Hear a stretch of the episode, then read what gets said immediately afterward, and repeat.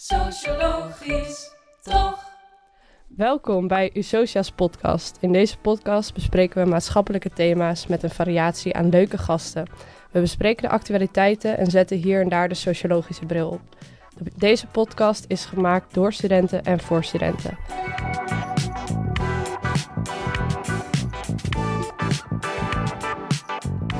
Mijn naam is Evelien. Uh, ik ben uh, tweedejaars sociologie-student, tweedejaars actief bij Usocia en uh, dit jaar de secretaris van de redactiecommissie. Ik ben Mare, ik ben eerstejaars sociologie-student en eerstejaars Usociaan. En ik ben een super enthousiast redactielid. En vandaag hebben we bij ons Raf en Boas. Raf, kan jij misschien even beginnen met jezelf voorstellen? ja, ik ben Raf. Ik studeer niet meer hier, maar in Tilburg doe ik een master ook actief geweest binnen USocia in een verleden. Uh, en dit is Boas. Ja, ik, uh, ik ben Boas. Ik geloof al zevendejaars uh, USocia lid nu inmiddels. studeer ook niet meer hier. wel vijf jaar sociologie hier gedaan. En Raf en ik doen niet zelf de master in Tilburg. Maar ehm, ik ben bijna klaar, gelukkig. Nu de laatste eindexamenscriptie bij elkaar aan het knopen.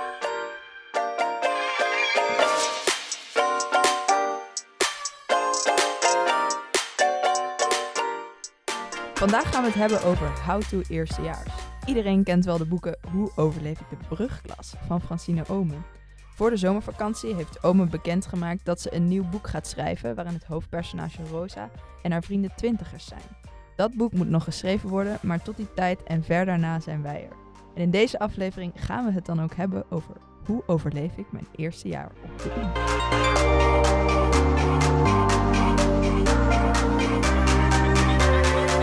Laten we even bij het begin beginnen. Weten jullie nog hoe jullie de eerste schooldag hebben ervaren, Boas?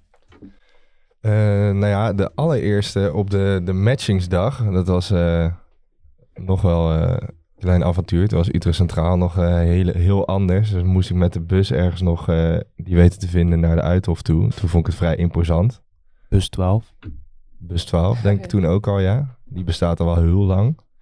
Um, ja, en de eerste dag echt hier op de Uithof, weet niet, een beetje, misschien een beetje overweldigend als ik eerlijk ben. Maar uh, ben er nu natuurlijk ook zo aan gewend al uh, om hier rond te lopen al die jaren dat het, um, zou dat, dat helemaal weg is gegaan. Maar ik denk dat, dat ik het best wel indrukwekkend vond toen ik hier voor het eerst kwam. Oké, en denk je dat je een beetje een goede eerste indruk hebt gemaakt toen? Goeie, op wie? Op de, op de, de medestudenten? Op je medestudenten, oh. de docenten? Uh, nou, ik was, niet, uh, ik was niet heel vervelend aanwezig of zo, maar ik was wel, ik, het was wel echt nog een broekie. Dus in die zin, het kan nooit heel, heel cool zijn overgekomen hoe ik was, maar ja, is toch gewoon zo. Dat, dat is best eerlijk, denk ik. Ja, zeker. En, en Raf, heb jij denk je een beetje een goede eerste indruk gemaakt? Mm, ik denk eigenlijk dat we wel vrij uh, hetzelfde daarin zijn geweest. Ook nog uh, broekie. Maar uh, ik kan me nog wel herinneren dat ik het wel heel leuk vond. We gingen toen meteen spellen doen natuurlijk. Met, met Usocia erbij, die Crazy 88. Dat was wel grappig. ja, en daarna gewoon is het vrij snel gegaan allemaal. Ja, en nog dineren, of dineren bij een student, student, eten bij een student. Ja, dat was ook wel echt leuk. Want dan leer je gelijk een beetje, natuurlijk wel via Usocia, maar toch wel de, de, de oudere jaars ook kennen. Um, ja, en op zich was dat altijd wel gewoon heel vriendelijk en gemoedelijk of zo. Het was niet, um, nooit de ervaring gehad dat je op de, soort van op de universiteit kwam en jezelf even moest gaan redden of zo. Je werd gewoon met een nieuwe groep mensen meegenomen. En uh, uh, de ouderejaars die, uh, die zorgden wel dat je een beetje op je plek voelde. En als je dingen niet wist, dan denk ik dat je altijd wel iemand had om aan te schieten of zo. Oké, maakte dat het misschien ook minder spannend dat je een soort van gelijk een soort opvangnet had of zo?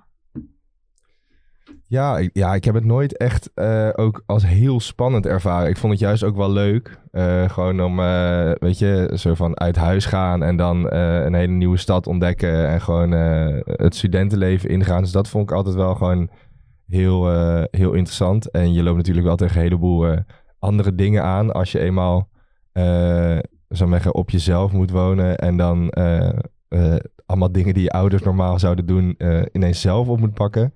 Maar dat is niet per se aan, de, aan de Unie of zo gerelateerd. Ja, denk ook. Je hebt er gewoon meteen een soort van sleeptouw. Neem ze je gewoon mee. En je had ook, tenminste vond ik de eerste paar dagen genoeg tijd ook om mensen te leren kennen. Het was niet dat je van college naar college moest gaan. En dat je constant ergens mee bezig moest zijn. Maar je had echt genoeg tijd om even buiten een praatje te maken. En gewoon zo langzamerhand kom je gewoon meer mensen te leren kennen. En dan blijf je een beetje aan elkaar plakken. En dan uh, heb je vrienden, denk ik. Als dat zo heet. Kennissen.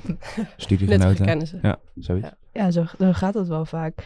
En dan heb ik uh, ook nog wel misschien een interessante vraag voor jullie alle drie. En misschien ook voor mezelf. Maar hebben jullie zelf opnieuw uitgevonden? Want als je dan uh, gaat studeren in een nieuwe stad, dan kan je eigenlijk helemaal opnieuw beginnen. En je kan jezelf zo vertonen als dat je graag gezien wilt worden. Dus uh, misschien Evelien, jij beginnen of hem anders gelijk doorgeven?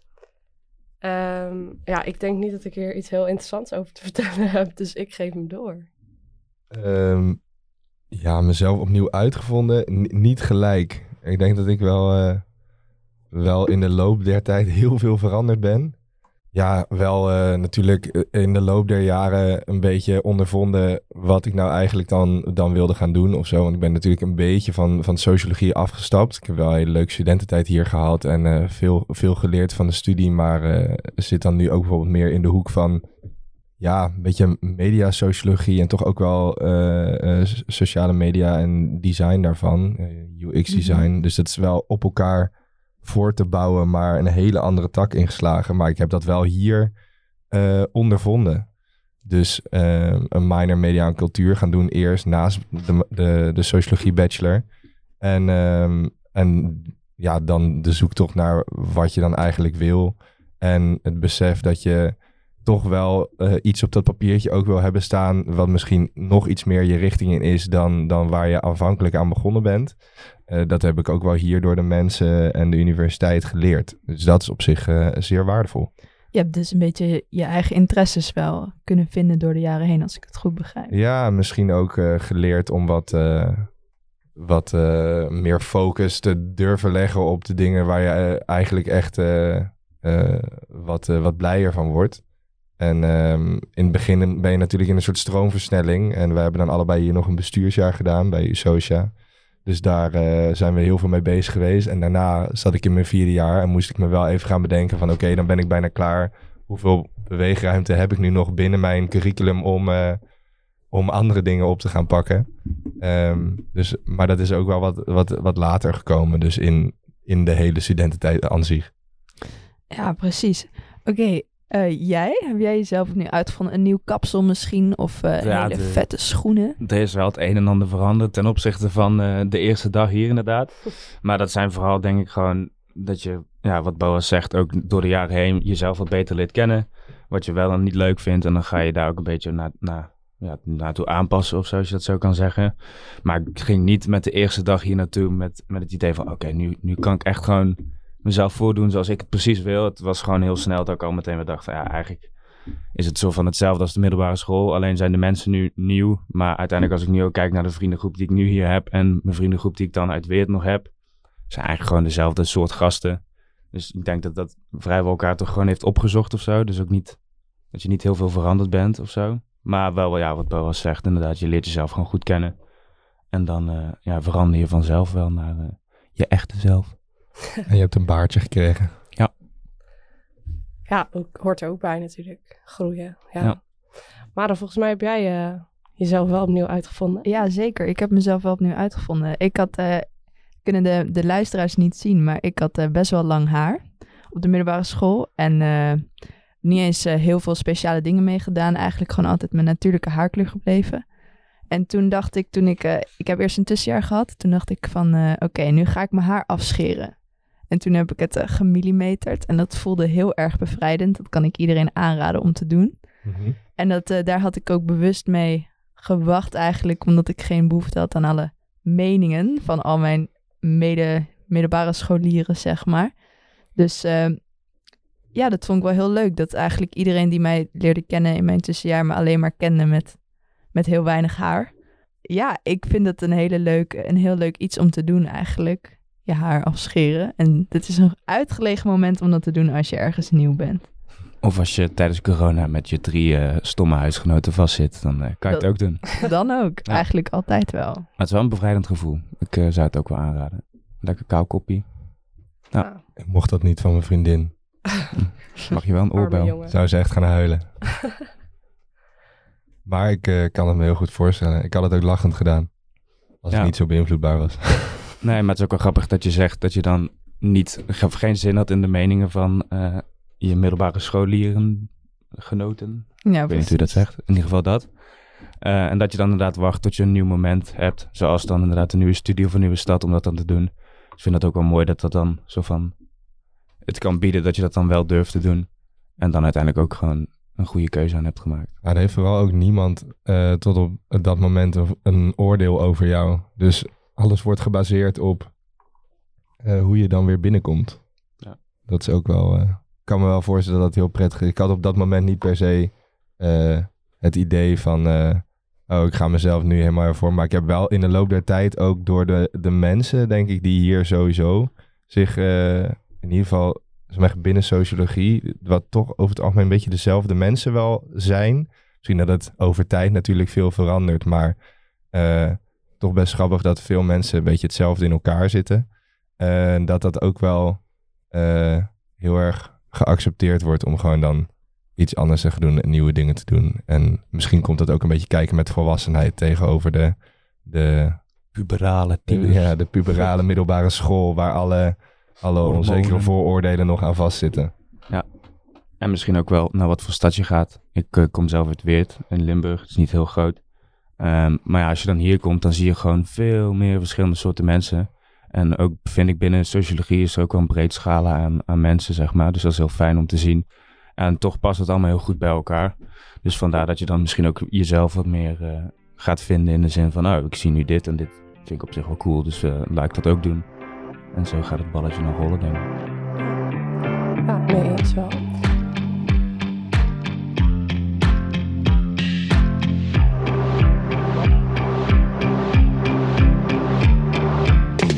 Laten we het uh, gaan hebben, of iets meer gaan hebben over de mensen van sociologie. We hebben nu uh, vooral gekeken naar de individuele kant, maar wat natuurlijk ook heel interessant is, is uh, de sociologische kant. Vriendschappen die zijn belangrijk voor het welzijn van de mens. Onderzoek wijst uit dat vriendschappen voor een hoger zelfvertrouwen, minder stress en minder eenzaamheid zorgen. Voor sommige mensen is het heel makkelijk om nieuwe vrienden te maken, maar voor anderen is dit iets lastiger. Over het algemeen is het maken van vrienden makkelijker wanneer je iets jonger bent. Denk maar aan vroeger op de camping of in de kleuterklas. Waarschijnlijk dacht je er toen niet eens over na, over uh, vrienden maken, maar die had je wel. Wanneer je naar de universiteit gaat, ben je natuurlijk al iets ouder. Niet alleen dat, maar je bevindt je misschien ook nog eens in een vreemde stad en op een school die je helemaal niet kent. Hoe gemakkelijk uh, is het vrienden maken dan nog? Boas, kun je iets vertellen over hoe dat uh, de eerste weken voor jou ging? Op ja, hoe gemakkelijk is het vrienden maken? Um, nou ja, Raf en ik zitten dus ook niet, zaten niet in hetzelfde jaar. Dus, dus uh, ik heb uh, eerst nog een heel jaar in mijn eentje moeten overleven. Hij is veel ouder. Um, nee, maar ik, ja, ik, het was in het begin is het natuurlijk altijd een beetje aftasten. Hè. Je komt dan in zo'n werkgroep. En ik weet ook nog dat die werkgroep halverwege het jaar ineens, um, ineens opgebroken wordt. Ja. Ik, ja, is dat nog steeds zo? Ja. Oké. Want ja, dan zit je een soort van ineens weer met andere mensen. En het voelt dan toch nog een beetje alsof dat wel jouw, jouw klas is of zo. Mhm. Dus ja, dat, dat geeft natuurlijk ook weer een beetje gekke situaties. Dan ineens andere mensen weer wat minder gaat zien. Maar in het begin van het jaar, ik denk dat iedereen zo nieuw is dat iedereen wel met elkaar praat.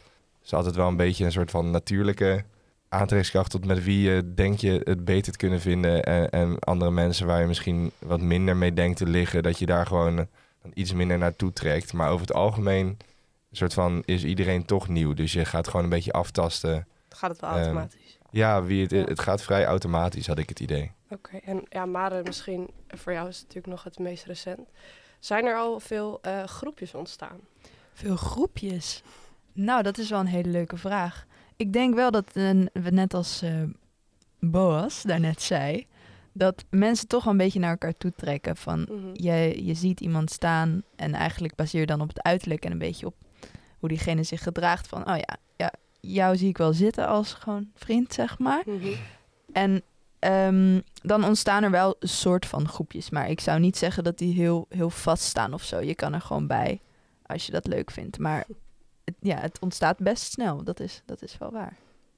Raf, vond je het ehm, dan ook makkelijker dan op de middelbare om vrienden te maken? Door bijvoorbeeld die, dat automatische, dat dynamische. Ja, ik denk het wel. Ik denk dat het wel een stukje makkelijker was. Natuurlijk, wat ben je als je naar de middelbare school gaat? 12 of zo? 12? Ja, Mm, dan ja. ken je jezelf natuurlijk ook eigenlijk nog niet echt goed of zo. En dat is al iets beter als je dan op je 18e of zo naar, eh, naar de unie gaat. Dus ik denk dat dat het ook voor een groot deel makkelijker maakt. Omdat je jezelf al beter kent en je weet in ieder geval wat je een beetje zoekt in mensen. Dus op de middelbare school was het even aftasten inderdaad. Nog iets meer dan eh, op de unie vond ik. Op de unie ging het vrij, ook vrij ja, eenvoudig of zo, of gemakkelijk. Mhm. Dat je in ieder geval vrij snel ziet dat je... Nou, dat iemand gewoon, eh, hoe die zich gedraagt. Dat je denkt van, oké, nou, volgens mij is dit wel een geinig joch of een, eh, of een geinig meisje of zo, weet ik het. En dat je dan daar ja, automatisch, wat Boris zegt, een beetje naartoe trekt. En dan ja, leer je elkaar in een week een beetje iets beter kennen. Ja, en dan weet je vrij snel, denk ik, in ieder geval of het vriendschap potentie heeft. Of dat je denkt, maar ik eh, ga een ander eh, groepje zoeken. Maar ja, wij hebben in principe wel meer groepjes, denk ik. Toch, Boris, in het begin? dan op de middelbare bedoel je? Ja, op de middelbare denk ik sowieso. Nou, misschien dat dat wel redelijk hetzelfde is. Maar bijvoorbeeld, ik eh, zit in het ministerie van eh, VR Zaken. En dat is echt wel weer een groepje, zeg maar. Daar zitten we dan met z'n zessen in. En dat is dan ook een groepje of zo. En eh babushka's bijvoorbeeld, een vriendinnengroep. Dat is ook Ja, wel weer dat een is wel dat is heel erg over, over de jaren wel, wel Ja, een beetje begin, gevormd. En ik- ja, ik weet niet, op mijn middelbare school waren bijvoorbeeld wel echt veel, veel groepjes die bijvoorbeeld met elkaar eh, gingen chillen of zo.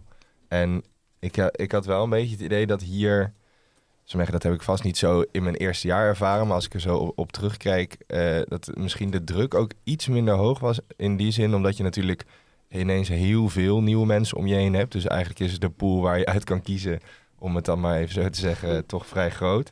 Terwijl ehm, ja, op de middelbare school heb je natuurlijk je klas en dat zijn gewoon één jaar lang allemaal dezelfde mensen. En ehm, daar, daar komt relatief weinig verandering in. En dan, dan groei je ook met die mensen eh, vijf, zes jaar lang gewoon ehm, ja, weer mee. En dat, dat, dat blijft gewoon eigenlijk op een gegeven moment hetzelfde. En als die groepjes er zijn, dan... eh, ik weet niet, ik, ik had niet per se de behoefte om ergens dan bij te komen of zo. Maar ik kan me voorstellen dat het best lastig is om dan op een gegeven moment tussen zo'n groep eh, gasten te komen die elkaar al drie, vier jaar kennen. Ja. En, en hier, ja, ik weet niet, ik had eh, nieuwe huisgenoten, dan eh, eh, een, een baantje waar ik weer mensen leerde kennen. En dan hier van sociologie nog mensen die ik leerde kennen. Dus ja, je, je komt gewoon op heel veel sociale gelegenheden eigenlijk, waar je altijd wel, wel mensen hebt om mee te praten. En ja, bij ons is het gewoon nu heel leuk zo gevormd dat we van ongeveer drie jaar lage sociologie studenten dus een groep van twintig mensen hebben die eh, vrij frequent, eh, nou niet per se allemaal tegelijk, maar eh, ook dat doen we wel eens, afspreken. Van de vakantie van de afgelopen zomer zijn we nog met z'n allen naar Praag geweest.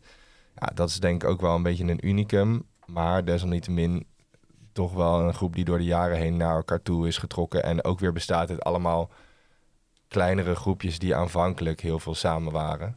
En ik denk dat dat wel erg leuk is, dat je dat dus ook gewoon over kan houden aan je studententijd. Gezellig. Ja. Je begon er net al even over. ehm, maar natuurlijk het vrienden maken buiten je contacturen of buiten je studie.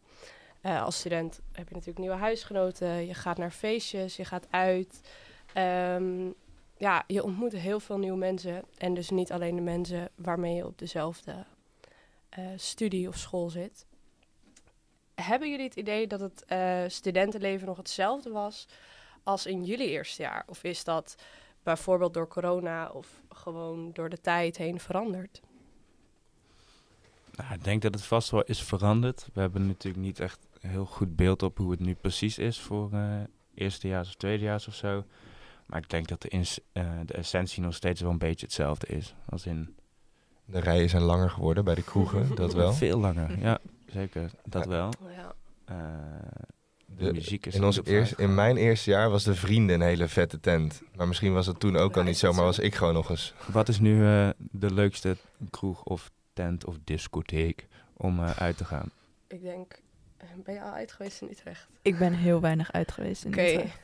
Geen Puma Nou, zeggen. Ja, ik, neig hier wel naar, maar dat komt meer door... Ik heb met mijn, eh, met mijn huis hebben wij eh Amazing maandag. En op maandag is het enige wat open is.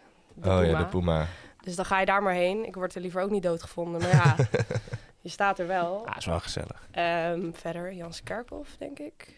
Maar dat is natuurlijk wel 21 plus. Ja, Ehm, Hofman. Jansbouw. Jansbar. Ja, ja. Grijpschuur, pak, pakhuis. Ehm, ja, Ja, dan verder zou ik het echt niet weten eigenlijk. Nou ja, ja, om even terug te komen op je vraag van is het, is het heel erg veranderd? Nee, ik denk het niet. Ik denk dat de insteek hetzelfde is gebleven. Ik denk misschien dat er wel, eh, hoe heet dat, juist wat meer, meer bij is gekomen. Dus eh, de Echo en Oh ja. Tivo hebben allebei bijvoorbeeld, eh, wat dat gaat, eh, hele andere dingen voor het nachtleven. En nou ja, bij sociologie zijn er, ehm, denk ik ook wel gewoon binnen Usocia dingen veranderd en zo. Ehm, dus als je als eerstejaars nu daar binnenkomt, zal dat vast iets anders zijn dan, dan zeven jaar terug. Maar over het algemeen ja, is de insteek natuurlijk hetzelfde. Je wil gewoon Ja. nieuwe mensen leren kennen. En, Mhm. en dat eh, levert daar een heel goed platform voor. Nou, fair. Ehm Mare, je bent natuurlijk nog niet zoveel uit geweest, zei net. Maar wat vind je zo far van het studentenleven? En sluit het een beetje aan bij het beeld wat jij van tevoren had over het tussen aanhalingstekens echte studentenleven? Ehm, nou, ik vind het wel lastig om deze vraag te beantwoorden. Aangezien ik, eh, ik ben druk bezig eigenlijk met revalideren. Dus dat is niet echt te matchen met een studentenleven. Mhm. Maar eh, als ik zo kijk naar alle mogelijkheden die er zijn. En vanuit Usocia zijn er ook altijd hele leuke dingen worden daar georganiseerd. Ledenborrels, gala's, feesten. Dan denk ik dat ehm, eh, met, als je de mogelijkheid hebt dat je het echt een heel leuk studentenleven voor jezelf kan maken. Het is natuurlijk wel belangrijk dat je het altijd niet te vol plant, denk ik. En dan wil ik ook gelijk eventjes vragen aan jullie jongens. Van, hebben jullie het gevoel dat het, dat het allemaal genoeg is? Al die dingen die je moet combineren? Het studentenleven, een dateleven misschien, vrienden. Ja, wat je zegt, je moet het niet te vol plannen voor jezelf. Nou zijn wij er allebei niet heel erg goed in. Eh, we Wij hebben deden dat vooral wel. Nou ja, vooral heel vol plannen en eh, alles proberen te doen. Ehm, maar ja, op zich, het, je hebt al heel snel inderdaad een volle agenda. Als je moet studeren, je hebt je contacturen en dan thuis ook nog eens wat doen. Eh, ja, en als je bijvoorbeeld een baantje hebt of zo, dan ga je daar ook nog heel veel tijd in steken. Ehm, maar en je wil natuurlijk ook gewoon inderdaad je vrienden blijven zien. En eh, ja, af en toe een date of twee, dat zou ook wel eens mogen.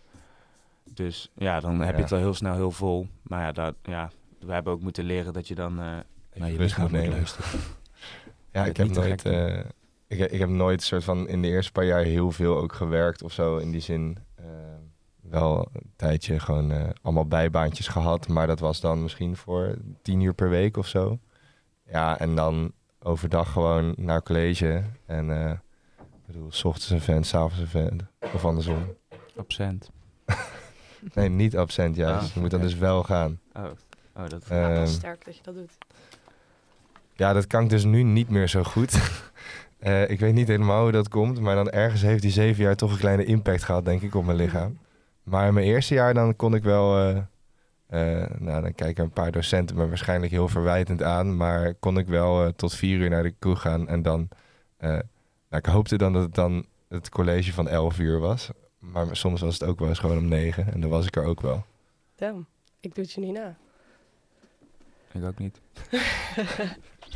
Misschien praat ik er nu grootser over dan de aantal Ja, keren dat het- ik er waarschijnlijk zo was. dan, cinematisch maar- heeft het er niet uitgezien. Nee, kan ik Oh, niet ja. wel vertellen.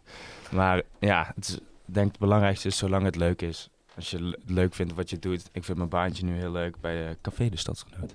Ehm, dus ja, zolang je dat leuk vindt, dan voelt het ook minder als ergens tijd insteken. Of inderdaad, als je dan met je vrienden, dat is gewoon, zijn gewoon allemaal leuke dingen. Ehm, en ja, als je studie dan ook nog heel leuk vindt, dan eh, heb je het helemaal mooi meegenomen. Oké. Dus ja, zolang het leuk is. En ehm, houden jullie dan ook nog een beetje tijd over voor inderdaad het eh, liefdesleven? Jij vertelde net al, Boas, dat je een vriendin hebt. Is dat nog steeds het geval? Ja, ja ik heb eh, nu vier jaar een vriendin. eh, een meisje wat in ons bestuursjaar voorzitter was bij PAP, de Vereniging van Pedagogische Wetenschappen. Dus het was ook wel... eh, Ja, moeilijk om elkaar überhaupt te zien, behalve dan op feesten, zou ik zeggen. Maar eh, ja, we zijn, uh, we zijn er nog steeds en uh, we hebben het wel leuk samen. Dus op zich is dat, is dat fijn. Hmm. En ja, dan vind je ook daar wel tijd voor tussen alle, alle studie en, en activiteiten door, denk ik, voor elkaar. Snap ik. Maar ik kan me wel voorstellen, daten misschien wat, wat moeilijker is op het moment dat je het al zo druk hebt in je eerste paar jaar van je studie. Ja, ik weet niet, Raf. Heb jij, uh, heb jij een relatie? Ik uh, op dit moment niet, nee. Uh, single. Maar ja, je kan er tijd voor maken natuurlijk, toch? Ik bedoel... Zeker. Ik kan me bijna niet voorstellen dat je het zo, zo druk hebt... dat je niet even twee, drie uurtjes even een klein bakje kan drinken... of een klein hapje kan eten. Dus ik denk dat je er altijd wel ruimte voor kan maken als je het echt wil. Ehm, maar ja, het is wel weer een extra dingetje wat erbij komt natuurlijk. Maar, uh, ja, maar de tijd die wij nu samen chillen, dan kan je ook wel een keertje op date gaan. Ja, ga jij mee dan? Oh. Nee, dan, dan mag je mij wel skippen. Hm. Dan moet hij alleen straks, dat is ook niet leuk. Ja, ik wil ook wel met hem naar de film hoor. dat is een Minions film eruit geloof ik. Oh, Despicable Me. Oké, okay, zullen we doorgaan? Laten we doorgaan. Nee, ja, ik ben wel benieuwd hoe, uh, hoe oh. jullie uh, dateleven dan is. Wie de bal kaast. Um, ja, nou ja, ik ben op het moment niet heel veel aan het daten. Ik vind het wel heel leuk om te doen altijd. Een soort van die spanning van de eerste date. Dat, ja, ik ga daar wel goed op. Maar um, ja, het is niet zozeer dat ik er geen tijd voor heb. Ook niet dat ik het er niet voor vrij maak, maar het komt er vooral niet van eigenlijk. Ja, uh, eigenlijk een beetje hetzelfde verhaal. Ik, uh, ik ben ook vrijgezel, of uh, single, hoe je dat noemt. Maar ik wil er ook um, ik heb een beetje het gevoel dat het gewoon op je pad komt of zo. En ik ben er niet, niet al te druk mee bezig, om eerlijk te zijn. Ik vind het natuurlijk wel altijd leuk. Maar uh, ja, ik vind die apps niet echt, uh, niet echt iets om eerlijk te zijn. Maar ik eerlijk, Breeze. vind Tinder, wel echt een soort spelletje. Geweldig, alleen maar swipen de hele dag. Vind ik heerlijk. ja. De grote vleeskeuring. Ja, precies.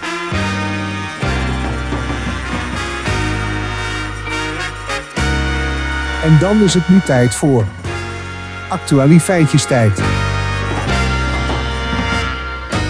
Kort geleden vertelde koning Willem-Alexander en koningin Maxima in een interview dat hun dochter Amalia dusdanig bedreigd wordt dat ze niet meer in Amsterdam kan wonen, waar ze studeert. Amalia woont dus nu weer thuis bij haar ouders en kan alleen nog maar naar buiten om naar de Unie te gaan. Dit is natuurlijk heel erg ingrijpend en Amalia heeft helaas niet het studentenleven zoals de meeste studenten dat wel hebben. Hebben jullie misschien een gedachte hierover hoe Amalia haar studententijd zorgelozer zou kunnen maken, Boas? Ten eerste natuurlijk gewoon heel treurig dat het überhaupt uh, een gespreksonderwerp moet zijn hoe zij haar studententijd veiliger en zorgelozer kan maken. Dus uh, het, ze heeft het niet makkelijk in die zin. Ja, hoe kan je dat zorgelozer maken? Ja, ik um, ben dan zelf ook weer geen, geen royalty, dus ik weet het niet. Uh, Stoppen met het Koningshuis. Nou ja, uh, daar kan zij natuurlijk zelf weer heel weinig aan doen. Nou, dus, dus in die zin uh, is het gewoon heel vervelend voor haar dat ze niet gewoon in een studentenhuis kan wonen en een keertje naar de kroeg kan gaan. Ja, ik denk dat dat dus een stuk gemakkelijker wordt als zij niet in Nederland gaat studeren. Uh, ja, nou ja, haar, uh, haar zusje zit geloof ik al ergens in, in Engeland op een, uh, ja, op een, ja. op een in het buitenland. In ja, in het buitenland. Ja. Um, ja. ja. ik weet niet zo goed wat daar gebruikelijk in is. Ik, ik ben niet een, een, mega groot aanhanger van het, van het Koningshuis, maar um, ik kan me ook wel voorstellen dat er x aantal tradities zijn die mij persoonlijk niet zouden uitmaken als ik in haar positie zit. Maar ja, dat zit ik niet. Uh, dus kan ik wel opstandig gaan doen. Maar zij moet zelf dan denk ik daar een beetje keuzes in maken. Dat is um, en neem niet weg dat, dat daar dan natuurlijk ook weer andere problemen bij komen kijken. Uh, ik denk dat de voornaamste boodschap eigenlijk gewoon is dat het heel terug is dat uh, zij alleen maar wordt lastiggevallen omdat ze de kroonprinses van Nederland is. Zeker. En ik uh, ja, zou er graag uh, helpen als dat zou kunnen, maar hoe het zorgelozer kan, geen flauw idee. nou, ik denk dat het buitenland best een goede optie is. Als je daar minder vaak wordt herkend, dan kan je ja, en makkelijker door het leven gaan, denk ik. Dat is ook wel waar. Ja, en natuurlijk, iedereen die haar kwaad wil doen, zal er uiteindelijk toch wel vinden. Maar ik denk dat het de, de stap iets groter maakt. Dus ja. ja. Ja, het is in ieder geval meer verwijderd van, van dit land. Want ik denk, uh, ik heb me er niet, niet, in verdiept hoor, maar uh, dat het natuurlijk ook wel in samenhang is met uh, het feit dat zij kroonproces is van dit land en dan hier studeert en dus waarschijnlijk lastiggevallen wordt door mensen die daar geen fan van zijn. Mm ik kan me althans niet helemaal voorstellen dat mensen die groot voorstander zijn van de monarchie haar lastigvallen. Dat denk ik ook niet. Maar um, ja, dus in die zin zou dan in het buitenland studeren zeker wel kunnen helpen. Um, ja, ik vind dat meisje ook gewoon een leuke studententijd. Ja, natuurlijk. Um, ze wordt trouwens uh, bedreigd door criminelen. Dus dat is niet uh, vanwege een, een afkeer voor het Koningshuis. Maar dat is gewoon, ja. uh, het zijn criminelen, zeg maar. Mm -hmm. Maar het is natuurlijk nog steeds een goed punt wat jullie hier allemaal noemen. Het buitenland zou wellicht een goede optie zijn. Maar misschien uh, kan dat ook helemaal niet. Want het was wel een best wel grote stap dat zij in Amsterdam ging studeren in plaats van Leiden, waar haar, uh, haar vader en uh, haar oma hebben gestudeerd. Ja, exact. Maar um, het blijft een lastige situatie. En hebben jullie misschien gedachten van hoe jullie hiermee om zouden gaan? Want het is en blijft een hele lastige situatie. Wat zouden jullie zelf doen om ja, er niet helemaal in op te gaan, zeg maar, als Amalia zijnde? Je zou natuurlijk een heleboel uh, opstandige uh, uh, dingen kunnen ondernemen en gewoon wel naar de Unie gaan. En dit, dat. Maar er, er, er hangt in die zin best wel een, een last op haar schouders.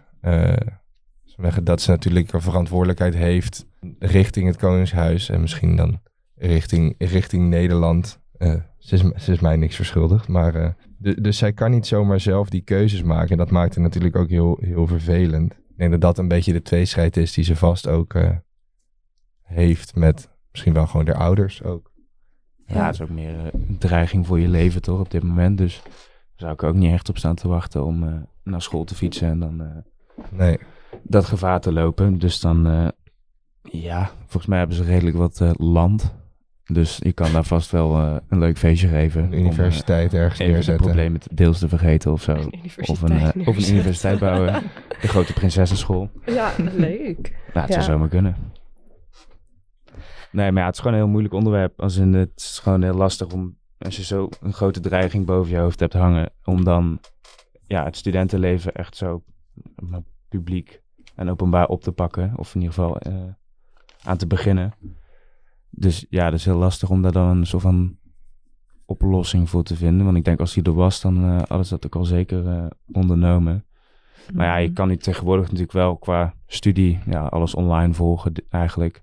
Dus qua studievertraging zou het in principe mee kunnen vallen. Maar ja, het gaat natuurlijk ook om veel meer dan mensen dat. leren ja, kennen precies. natuurlijk. Dat. En dan, je gaat dat arme meisje ook niet alleen maar op de kamer laten zitten achter de laptopje, toch? Want, want hebben jullie hier zelf een beetje, een beetje over nagedacht? Soort van, want ik vind best een lastige vraag natuurlijk, omdat ik me kan me proberen te verplaatsen in haar, maar um, uh, ik, ik weet ook soort van niet genoeg van hoe, hoe de persoonlijke situatie is, los van wat er in het nieuws komt natuurlijk. Nee, tuurlijk. Het is, het is ook een best wel lastige vraag en een best wel pittige vraag. Um, we hadden een beetje deze vraag verzonnen um, omdat het gewoon heel actueel is. En ik denk dat als ik Amalia was en een niet heel erg onbezorgd studentenleven had, dan, uh, dan zou dat ook heel lastig zijn. Ik zou het heel lastig vinden om dat dan te accepteren en zeker het vrienden maken, de sociale kant daarvan, dat is het wat zij mist en dat is ook heel lastig. En ik hoop gewoon dat ze heel veel steun heeft aan haar ouders, volgens mij wel. En uh, ja, dat ze misschien met een psycholoog erover kan praten en gewoon ja, een beetje de situatie dan maar moet accepteren zoals die nu is. En dan hopen we met z'n allen dat ze zo snel mogelijk weer gewoon Dat haar, het gewoon weggaat, ja. ja, haar studentenleven weer op kan pakken. Precies. Dat zou mooi zijn.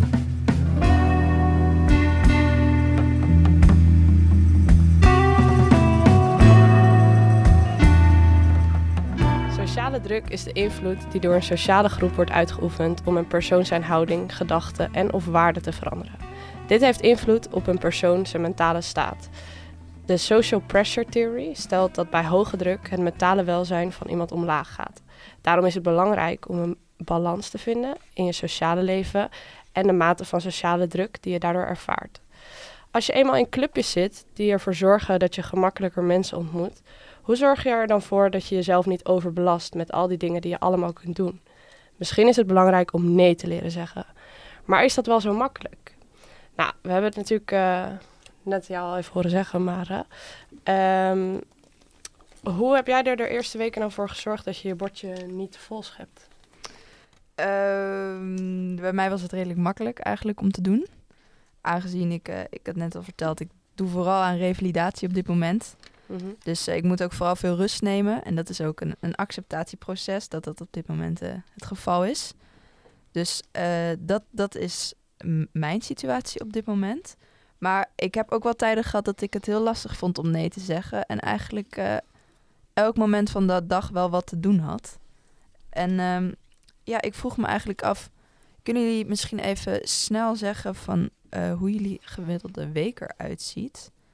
En of jullie iets zouden veranderen zodat je je misschien minder, minder druk voelt? Uh, ja, kan wel even snel. Uh, ja, in principe gewoon studeren deels. Ik moet drie dagen per week gemiddeld ongeveer naar Tilburg reizen.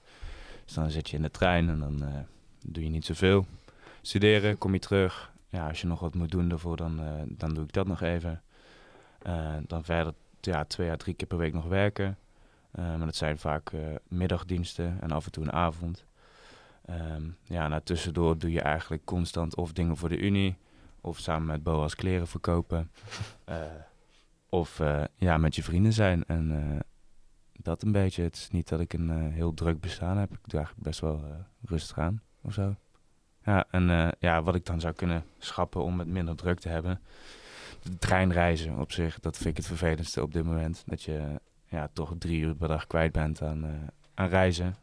Dan vooral als, als andere dagen zijn ook, kost het heel veel tijd. Ja, als je maar een uurtje daar hoeft te zijn om even wat door te spreken. en je bent drie uur onderweg, dan voelt het wel als, als verloren tijd. Maar nu vermaak ik mezelf al snel met een muziekje aan en een lekker broodje of zo.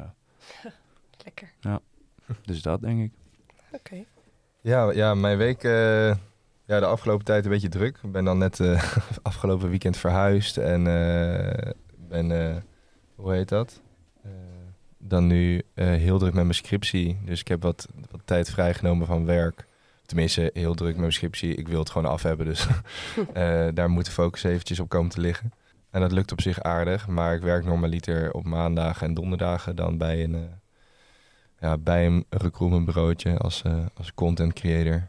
En uh, ja, dat is op zich uh, bevalt dat prima. En uh, dan studeerde ik daarnaast dus nog. Dus eigenlijk um, is dat een beetje mijn hele week. En hoef ik niet heel veel heen en weer te reizen. Dus de dinsdag, woensdag, vrijdagen zijn voor scriptie. En dan in het weekend eventueel een keertje met, met vrienden chillen. Ja, ik, ik denk dat ik het op dit moment ook niet mega druk heb, soort van naast studie. Maar het komt ook wel omdat ik dus in de, al deze jaren wel een beetje nee heb leren zeggen. Of dan iets weer voor mezelf heb durven kiezen. Dus ik ben nu wel gewoon ehm, vrij steady veel aan het studeren. Maar ik, ik ken het, het, het idee van een volle agenda maar wat goed in die zin. Ja. Ik denk dat we allebei wel ehm, wel op zoveel mogelijk activiteiten en feestjes probeerde te staan. En ehm, ja, weet je, dan uh, tussendoor nog uh, een keertje hier en daar werken en uh, alles volplempen. En dat, dat komt dan dus ook een beetje gepaard met hoeveel, ja, hoeveel mensen je eigenlijk ontmoet. Ik weet niet of ik dan, ja, of ik daar echt spijt van heb, niet per se. Ik word altijd wel heel vrij, ik krijg vrij veel energie van gewoon met mensen zijn. En als ik echt tijd voor mezelf nodig had, dan, dan gaat het ook wel vrij natuurlijk of zo. Dan ging ik wel gewoon even chillen. Theetje drinken. Theetje, theetje drinken. Serietje kijken. Festivalletje pakken in je eentje. Gezellig. Ook leuk. nee, maar hij moet nee leren zeggen. Inderdaad, ik denk dat dat het vooral is. Hetzelfde als wat Boas net zegt. Uh, agenda stond ook wel eens vol. Maar ja, dat, uh, dat doe je zelf. En uh, op een uur loop je gewoon een keer tegen de lamp aan met jezelf. En dan, dan weet je wel wanneer je het rustig aan moet gaan doen. Dus uh, ja, dat moet je allemaal leren, denk ik. Als je dan, zou zeggen, als je om één uur uit de kroeg komt, je paper voor negen uur s ochtends nog af moet schrijven. Ja. Nee, dat heb ik nooit gedaan. Ik denk niet dat wij de, de enige zijn die het ooit in hun studententijd hebben gedaan. Er zijn mensen die het vast nog gekker hebben gemaakt. Ja, ik denk het ook. Maar het is mij wel eens voorgekomen dat ik nog iets, niet het hele paper, maar dat ik nog wel even iets af moest maken. Evelien, misschien kan jij ons ook nog eventjes iets vertellen over je week. Hoe ziet die eruit? En zou je iets willen veranderen? Zo ja, wat dan? Ja, um, nou dat is een goede vraag, want ik kan me enerzijds heel goed herkennen in wat uh, Raf en Boas zeggen. Het uh, nee leren zeggen. En ik heb ook altijd eigenlijk wel het idee dat ik dat heel goed kan. Maar ik krijg wel altijd te horen van mijn vrienden en mijn huisgenoten dat uh, ik die persoon ben die ruggraat mist. Je bent overal. Ja, vaak wel. En ja, ja, ik doe gewoon wel heel veel met mijn leven. Ik heb het ook eigenlijk altijd wel druk. Maar ik zou niet zo goed kunnen vertellen waarmee ik het nou precies druk heb. Um, Maar ja, de gemiddelde week. Uh, ik werk twee dagen in de week bij de klantenservice. Ik um, studeer. Ik ben er soms ook. um, en verder doe ik eigenlijk heel veel leuke dingen met vrienden en met mijn huisgenoten. Ik heb woon met veertien huisgenoten. Dus um, er is bij ons thuis ook altijd wel wat te doen. Feestjes pakken, uitgaan. ja, dat houdt mij vooral bezig, denk ik. Er zijn ook wel heel veel mogelijkheden natuurlijk. Ja. Maar zo, zolang je de energie uithaalt, ik weet niet of dat, voor jou ook ja, zo is. Dat, ik, heb dat heel, ik, heb, ik krijg heel veel energie van mensen om mij heen. En dan natuurlijk, het ligt aan wat voor mensen. Maar je kiest ze wel uit. Je je uit. Ja, en um, ja, of dan, ja, bijvoorbeeld mijn beste vriendinnetje, die woont uh, op een minuut lopen van mijn huis. En uh, ja, dan, je moet toch allebei avondeten, dus dan ga je samen avondeten. En dan blijf je even zitten, even wijntje doen. En dan is ineens je hele avond er voorbij. Um, en dan heb je inderdaad dat je om elf uur thuis komt en dan nog moet beginnen aan je deadline van de volgende dag. ja. ja, die hebben we allemaal wel. Ja, dat, maar dat is ook op zich wel, ja, ik denk toch wel goed of zo, dat je dan daar um, toch nog wel een beetje gezelschap in hebt. Ik, vind, ik ja. vond zelf met name gewoon uh, heel vaak ook wel gewoon dat ik dan alleen op mijn kamer zat. Ik heb, haalde daar niet per se echt plezier uit. Kijk, als je nee. bezig bent met studeren of zo, dan, dan is dat wel prima. En we hebben dan natuurlijk. Um, uh, hebben jullie dat ook? Hebben jullie in coronatijd gestudeerd? Ja, middelbare school wel. Ja, dat is ook wel weer heel gek of zo, denk ik. ik kan, dat kan ik me dan weer niet voorstellen, natuurlijk. Um, nee, ja, wij mochten veel sneller weer, uh, zeg maar, ja, ook weer daarnaar les. toe. Dus vooral studenten hadden het heel erg lastig, volgens Ja. mij. da, weet je, daar in, in die zin merkte ik wel ook met terugwerkende kracht dus. Ehm, en iedereen natuurlijk, hoe belangrijk dan wel die sociale contacten waren. Want ehm, ja, ineens was het eigenlijk allemaal weg. En dan dat studeren op je kamer, dat is prima. Maar als ze zeggen toen eh, in die tijd, als je dan klaar was met studeren. Ja, dan kan ik een keer een filmpje of serie kijken. Maar dan op een gegeven moment ben ik ook helemaal klaar mee met alles. Hm. Dan ga je maar buiten een rondje lopen of zo. Over de, we woonden toen aan de Van Lieflandlaan. En eh, nou ja, dan kan je eens even over de galerij eh, wandelen. Nou, gezellig. Toen Leuk het echt allemaal zo streng was. Ja. Nou ja, maar daar woonde dus bijvoorbeeld wat ook dan een, eh, een vriend van mij woonde drie verdiepingen erboven. En ehm, op een gegeven moment woonde eh, eh, Jesse, een vriend van ons, dan ook bij mij in huis. Nou, dat was natuurlijk eh, eh, erg gezellig en een welkome verluchting van, eh, van de zwaarte van die tijd. Ja. Ehm, dus ja, dan vond ik dat toch denk ik wel een van de belangrijkste dingen in mijn studententijd. Gewoon zoveel mogelijk sociaal contact hebben. En dan kon het me niet snel genoeg zijn. Ja, ik moet heel eerlijk zeggen, ik, ja, ik heb dan natuurlijk niet gestudeerd in corona en er is nu ook geen corona meer. Maar er zijn ook wel weinig momenten dat ik alleen studeer. Ik spreek eigenlijk altijd wel met mensen af en dan gaan we samen een beetje aan school zitten. Of ik ga naar de UB, maar dan zit je toch ook een soort van met z'n allen in een ruimte stil te zijn. Dat geeft ook een beetje een gevoel van samenhorigheid of zo. Mm. Maar in je eentje op je kamer, dat, ja, ik kan me dan ook niet focussen. En dat is misschien iets persoonlijks, maar dat, eh, ja.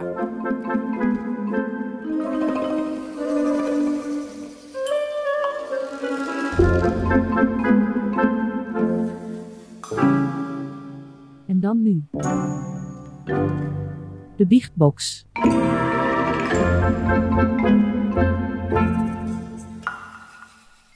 De vraag van deze week was voor de Biechtbox: waar heb je over gelogen op je eerste schooldag om een goede indruk te maken? Ik zal eventjes de antwoorden voorlezen die we hebben gekregen. We hebben een paar leuke antwoorden gekregen. De eerste is ehm, heel serieus eigenlijk. En dat is: niks liegen is niet cool, man. Mee eens. Ja, zijn jullie daarmee eens? Ja, liegen is eh, ten strengste verboden. Altijd. Ja, ik denk, dat je nu, ik denk dat je nu heel cool doet door te zeggen dat liegen heel stom is. Maar we hebben leugentje. vast wel een leugentje ooit verteld. Eigen beste wil. Ha, telt kan niet. Met liegen kan je ook wel cooler voorkomen. Moet je het alleen niet uit laten doen. komen. Ja.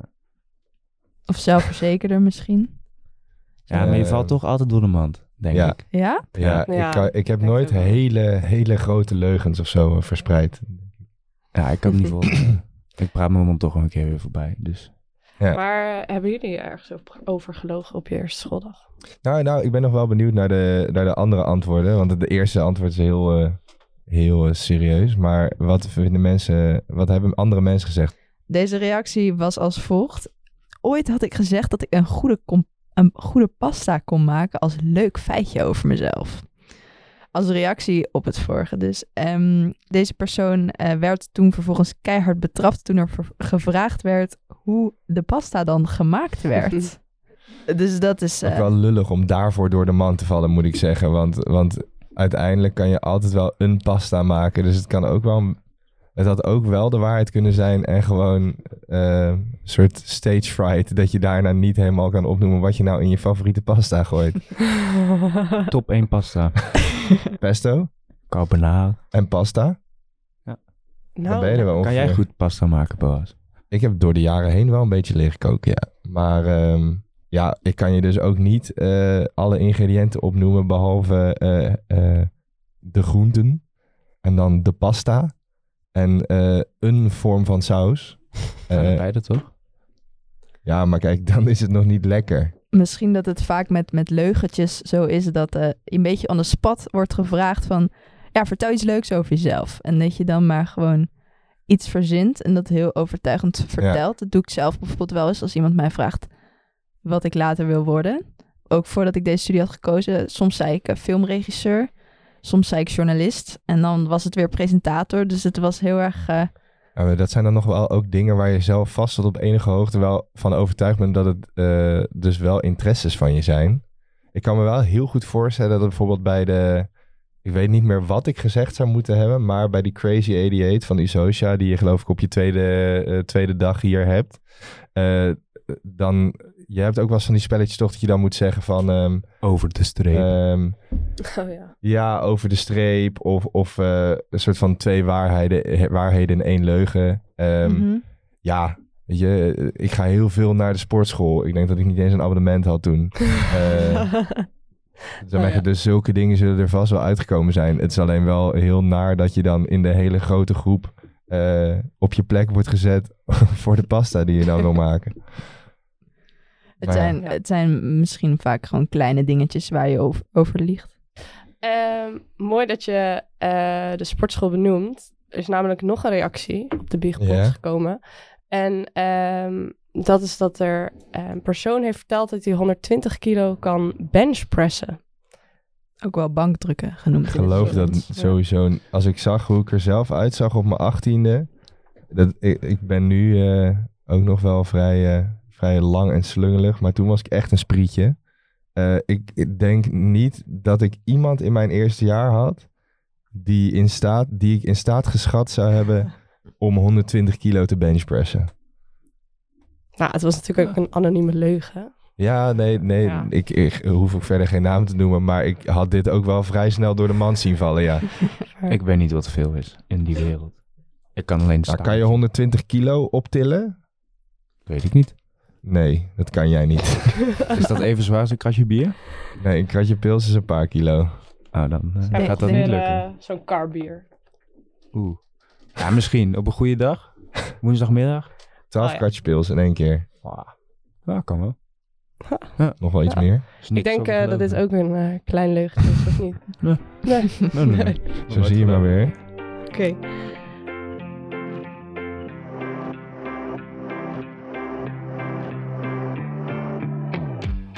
Dat was dan alweer de eerste podcast van het jaar. Eh, Raf en Boas, bedankt voor het delen van jullie leuke verhalen. En aan alle luisteraars, uiteraard ook bedankt voor het luisteren van weer een nieuwe aflevering.